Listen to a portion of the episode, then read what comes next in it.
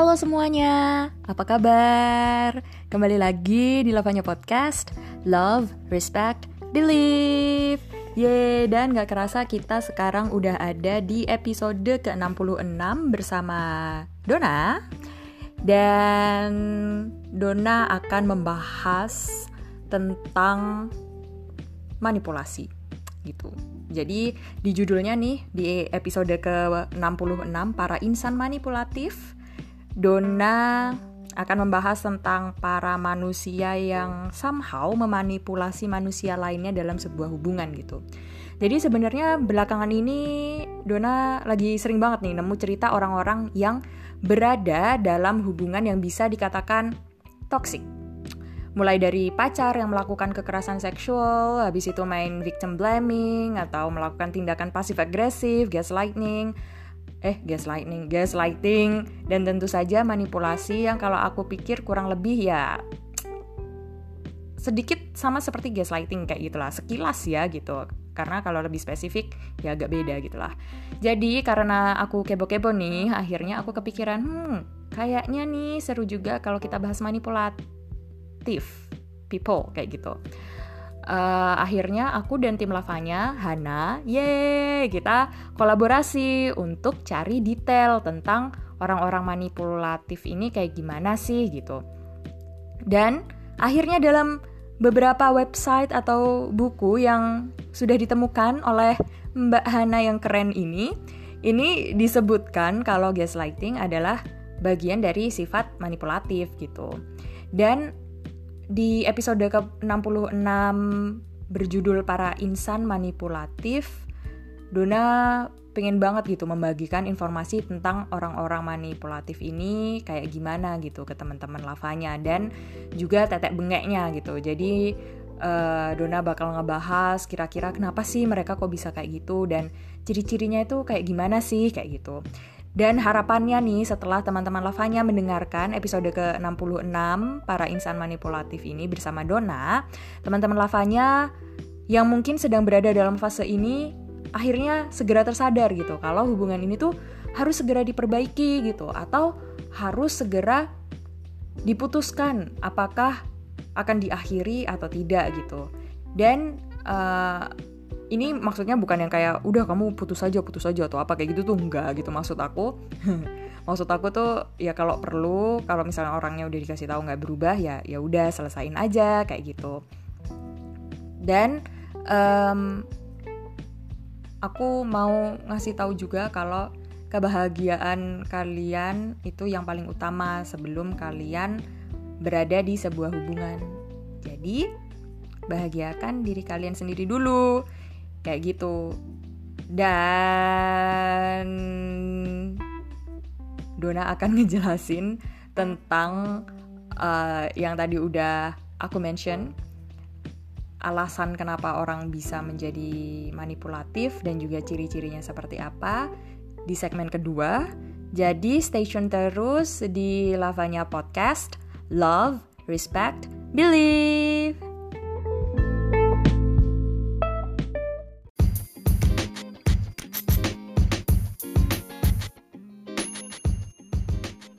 Halo, kembali lagi bersama Dona di Lavanya Podcast Love, Respect, Believe. Di episode ke-66 Para insan manipulatif. Dan seperti yang tadi sudah segmen 1 Dona sampaikan Dona akan ngasih tahu nih mengenai Kenapa sih orang kok bisa jadi manipulatif kayak gitu Atau ciri-cirinya tuh kayak gimana sih kayak gitu. Nah jadi uh, sebelum kita lompat ke sana gitu Dona mau mulai dulu nih dari penjelasan mengenai manipulatif gitu. Mungkin untuk sebagian orang yang masih bingung arti manipulasi itu apa gitu. Nah, manipulasi ini adalah keadaan ketika seseorang melakukan penyerangan atau memengaruhi mental dan emosi orang lain hingga mengendalikan orang lain demi mencapai kepentingan pribadinya. Dan kadangkala Manipulasi ini digunakan sebagai mekanisme mempertahankan hidup demi menghadapi tantangan lingkungan atau kompetensi lingkungannya. Dan biasanya nih ketika seorang tidak memiliki kekuatan dan kendali tertentu gitu terutamanya gitu. Terus manipulasi ini sangat mungkin merupakan hasil dari pengkondisian beberapa aspek. Contohnya seperti aspek sosial, profesional, bahkan keluarga. Jadi intinya manipulatif ini ini bukanlah gen gitu. Dia dibentuk oleh keadaan. Uh, udah kayak berasa apa tuh kayak yang ada di karya-karya sastra novel itu loh. Yang biasanya oh uh, orang jahat tidak di tidak terlahir jahat, mereka terlahir dari keadaan kayak gitu gitulah. Nah, jadi setelah tadi kan kita udah ngebahas dikit gitu lah tentang oh manipulatif tuh ini nih artinya gitu. Jadi sekarang hmm, Do akan bahas mengapa orang itu bisa bersifat manipulatif gitu. Jadi yang pertama, jadi ini total ada tiga nih. Yang pertama itu ada sejarah keluarganya. Jadi maksudnya di sini ini tuh um, orang ini itu dipengaruhi oleh anggota keluarganya gitu atau dinamika hidup di dalam keluarga itu kan pasti selalu terjadi gitu. Uh, contohnya ada persaingan kekuasaan kontrol uh, hierarki dalam keluarga gitu atau uh, persaingan mendapatkan cinta kasih sayang atau kedudukan gitu atau status atau hak istimewa. Nah um, jadi karena ada yang kayak gitu yang kayak oh aku harus mendapatkan cinta ayah lebih banyak. Aku harus menjadi orang yang bla bla bla kayak gitu. Akhirnya ya akan muncul rasa persaingan dan akhirnya ya mereka akan bermulut manis atau apa gitu semacamnya kayak gitulah. Dan akhirnya ya karena itu mereka terbiasa untuk menjadi orang yang manipulatif itu ya bisa aja kayak gitu. Nah, habis itu yang kedua ini adalah posisi inferior dalam tumbuh kembang. Nah, jadi individu itu mengalami kelemahan sehingga pernah dikucilkan, dirundung dengan cara apa pun gitu. Jadi dirundung di sini maksudnya bisa dalam arti sosial, budaya, ekonomi, atau profesional sehingga ada rasa ingin diterima oleh sekitar yang sangat besar kayak gitu. Jadi karena istilahnya kayak luka lama gitu atau ya kayak trauma masa lalu terus akhirnya aku nggak mau dibully-bully lagi aku nggak mau gini-gini lagi oke aku akan membuat orang lain suka sama aku sekarang. Kayak gitu. Terus akhirnya ya dia bohongin sekitarnya atau apa kayak gitu. Supaya orang lain menyukai dia. Terus nih yang ketiga Alasannya adalah memiliki peran yang membentuk ia menjadi sosok manipulatif gitu. Jadi emang ada perannya. Maksudnya di sini kayak beberapa profesi nih memiliki tugas untuk meyakinkan orang lain sehingga sosok manipulatif itu uh, muncul gitu. Jadi istilahnya orang ini akan menggunakan cara apa pun untuk dapat meyakinkan kliennya supaya membeli barang yang dia jual atau supaya uh, mengikuti apa yang orang ini mau atau supaya si orang ini bisa dapat target kalau misalnya klien ini beli gitulah. Jadi dengan begitu akhirnya muncullah gitu sikap manipulatifnya tanpa sadar kayak gitu kan. Terus uh, setelah kita bahas tentang yang tadi kayak alasan-alasannya gitu, jadi sekarang gimana kira-kira ciri pelaku atau ya pelaku manipulasi itu kayak gimana sih gitu. Ini ada beberapa nih, jadi total ada enam. Yang pertama, uh, dia hanya meminta untuk berinteraksi di zona nyaman aja gitu. Jadi manipulator, orang yang memanipulasi gitu, dia cenderung suka meminta terjadinya negosiasi, tawar-menawar di tempat yang merupakan zona nyamannya dia.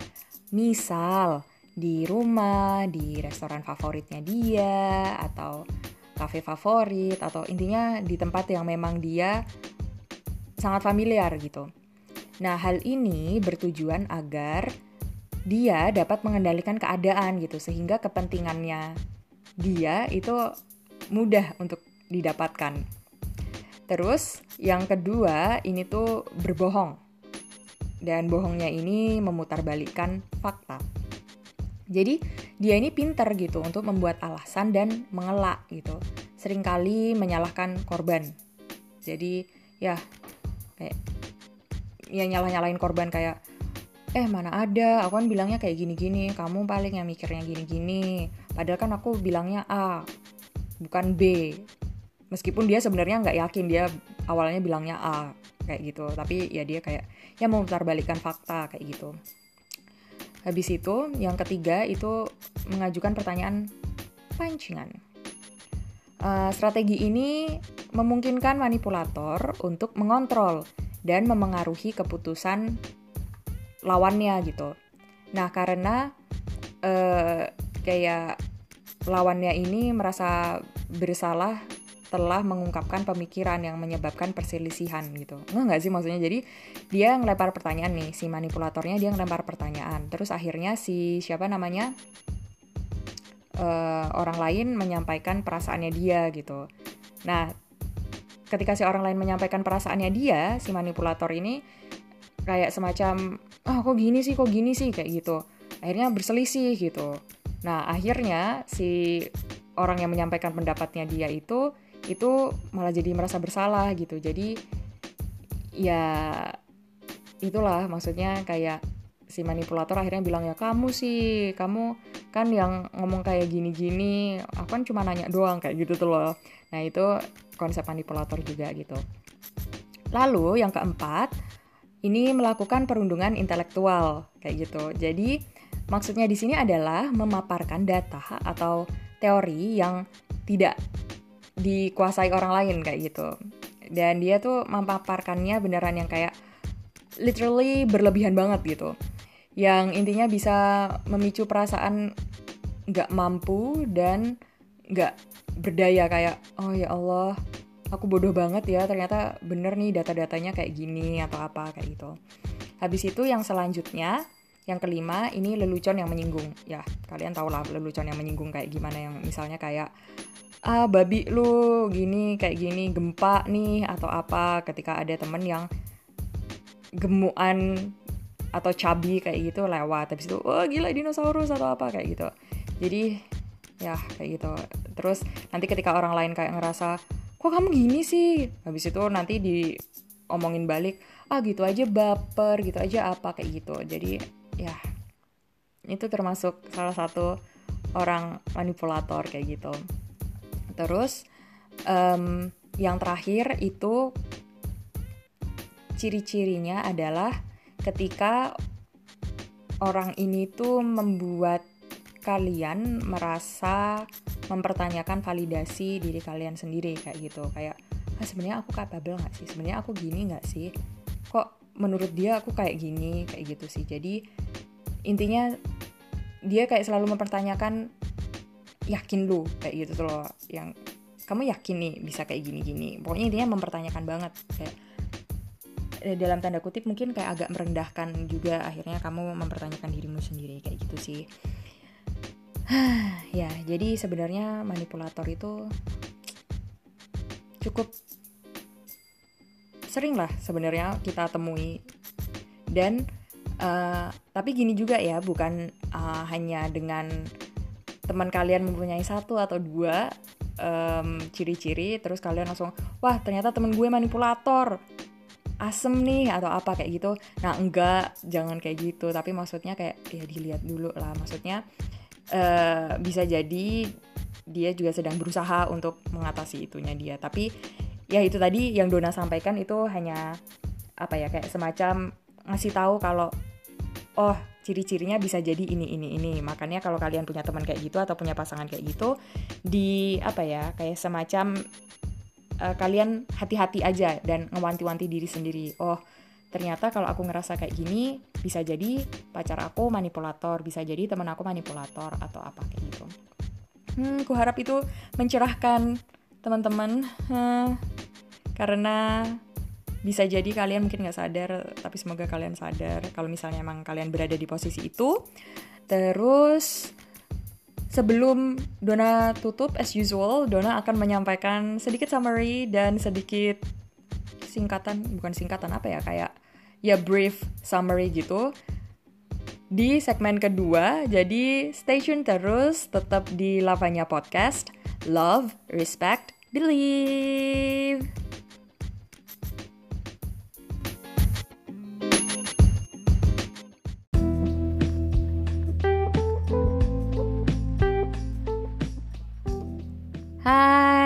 Halo semuanya, kembali lagi di Lavanya Podcast. Love, Respect, Believe. Di episode ke-66 berjudul Para Insan Manipulatif bersama Dona. Di segmen yang ketiga, kali ini Dona akan ngasih tahu sedikit summary gitu.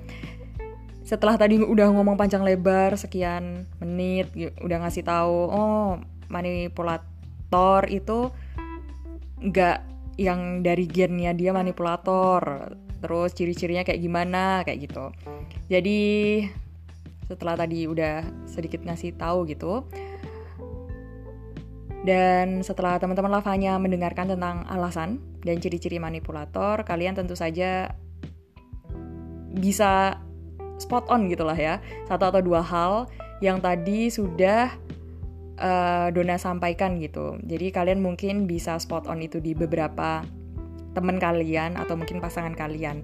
Nah, tapi yang mau Dona garis bawah ini hanya karena kalian spot on itu di beberapa teman kalian atau di pasangan kalian bukan berarti bahwa mereka itu oh gila ternyata pacar gue manipulatif banget nih orangnya atau oh gila temen gue uh, apa kayak semacam ngemanipulasi aku nih ternyata aduh udahlah nggak mau nggak mau temenan lagi sama dia udahlah aku nggak mau uh, pacaran lagi sama dia aku mau putus aja kayak gitu. Nah itu tuh jangan yang kayak langsung serta merta kayak gitu ya. Jadi belum tentu gitu. Yang kayak satu poin atau dua poin itu ada di temen atau pasangan kalian terus langsung bisa dibilang manipulator itu tuh belum tentu bisa kayak gitu kayak gitu. Um, jadi intinya kalau misalnya kalian punya apa ya kayak semacam temen yang menunjukkan satu atau dua aja gitu. Um, ciri-cirinya coba diobrolin aja. Terus tanya nih maksudnya kayak gimana sih kayak gitu. Tapi ternyata kalau emang uh, dia yang ngelakuin itu terus-terusan berulang dan kalian udah coba ngobrol tapi tetap aja nggak nggak digubris kayak alah apaan sih? Kamu mau nyala-nyalain aku dan kamu mau apa kayak semacam hakimin aku sebagai manipulator ya kayak gitu. Ya well itu berarti emang dia manipulator kayak gitu. Maksudnya kan setelah diobrolin terus nggak ada kelanjutan atau dia nggak berubah gitu ya berarti emang manipulator gitu. Dan um, Dona mau kasih sedikit review lagi gitu. In case kalian tadi di segmen kedua gila Dona ngomongnya panjang banget nih apa ya tadi kayak gitu nah jadi in case kalian lupa ini Dona mau ngulang lagi sedikit banget jadi tadi mengenai alasan kenapa orang bisa menjadi manipulatif itu yang pertama bisa jadi karena sejarah keluarganya dia sendiri yang rebut-rebutan kasih sayang orang tua, rebut-rebutan kedudukan status segala macem kayak gitu. Terus yang kedua itu bisa jadi karena posisi inferior dalam tumbuh kembangnya dia bisa jadi dia dibully uh, bisa jadi dia merasa dikucilkan dari kehidupan sosialnya, ekonominya, profesionalnya kayak gitu. Terus akhirnya dia ngerasa inferior gitu. Itu bisa jadi. Habis itu yang terakhir alasan kenapa orang bisa jadi manipulatif itu karena perannya dia yang memang membutuhkan sosok manipulatif. Jadi tanpa sadar dia menjadi orang yang manipulatif kayak gitu entah tuntutan profesinya tuntutan apa kayak gitu itu bisa jadi demikian terus ciri-cirinya ini tadi total kita ada enam ya. Yang pertama dia selalu meminta untuk berinteraksi di zona nyamannya dia karena dia nggak mau keluar dari sana. Dia mau ngehandle uh, kamu di zona yang dia kenal kayak gitu. Terus yang kedua dia tuh bohong nih. Dia memutarbalikkan fakta. Terus yang ketiga dia tuh mengajukan pertanyaan pancingan kayak gitu. Terus akhirnya kamu yang disalah-salahin kayak gitu. Habis itu yang keempat dia tuh melakukan perundungan intelektual dengan menunjukkan data-data, dengan menunjukkan apa, terus yang kayak ngatain secara implisit, bodoh lu bodoh lu kayak gini aja kagak tahu ngotak dong kayak gitu. Nah meskipun dia nggak secara langsung bilang gitu, tapi kalau dia nunjukin yang uh, misalnya kayak di acara casual nih, terus dia nunjukin oh data kayak gini tuh bilangnya gini gini gini gini. Kok kamu nggak tahu sih kayak gini? Gini doang kamu nggak tahu.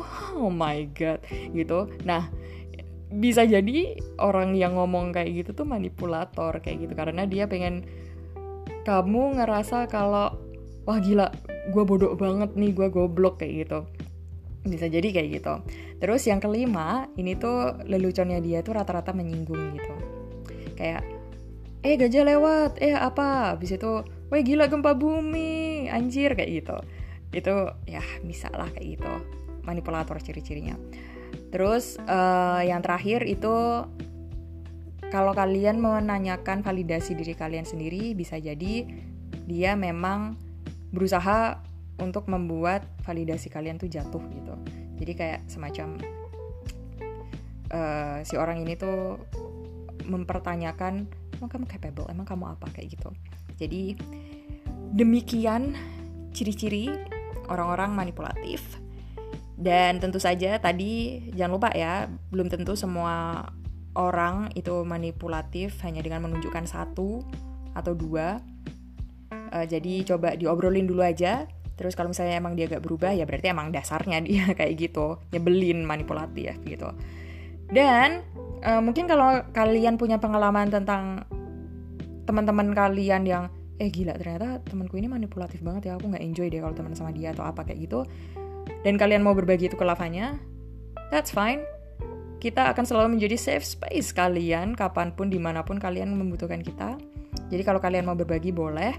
Terus untuk teman-teman lavanya yang tertarik nih untuk membagikan cerita di program cerita kita gitu. Uh, dengan senang hati tim lavanya akan membacakan cerita kalian. Jadi di cerita kita yang selanjutnya kita akan ngebahas tentang keluarga gitu. Jadi uh, kalau kalian mau cerita tentang keluarga kalian yang mungkin oh ternyata aku punya keluarga yang sedikit manipulatif atau gimana kayak gitu. Dan kalian mau membagikan itu no worries bagiin aja karena topik kita adalah keluarga. Itu dua minggu lagi ya dua minggu lagi. Terus kalau kalian mau ngebagiin itu kalian bisa isi formulir di link tree-nya lavanya di Instagram ya. Sebelum hari Minggu 5 September jam 3 kayak gitu Terus kalau misalnya kalian aduh mager nih ngisi apa namanya formulir kayak gitu, oh no worries, kita selalu open di email. Email kita lavanya.podcast@gmail.com atau kalian lagi buka Instagram terus oh ya udahlah kirim Instagram aja kayak gitu itu juga bisa juga di @lavanya.podcast atau kalian kalau misalnya ada saran pesan segala macam juga silahkan disampaikan ke email tadi lavanya.podcast@gmail.com atau di Instagram @lavanya.podcast. Jadi Dona udah ngobrol panjang banget. Jadi semoga kalian tidak bosan.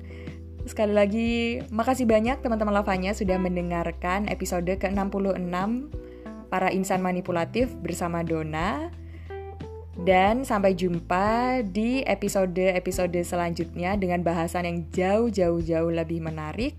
Jadi stay tune terus di Lavanya Podcast. Love, respect, believe. Sampai jumpa.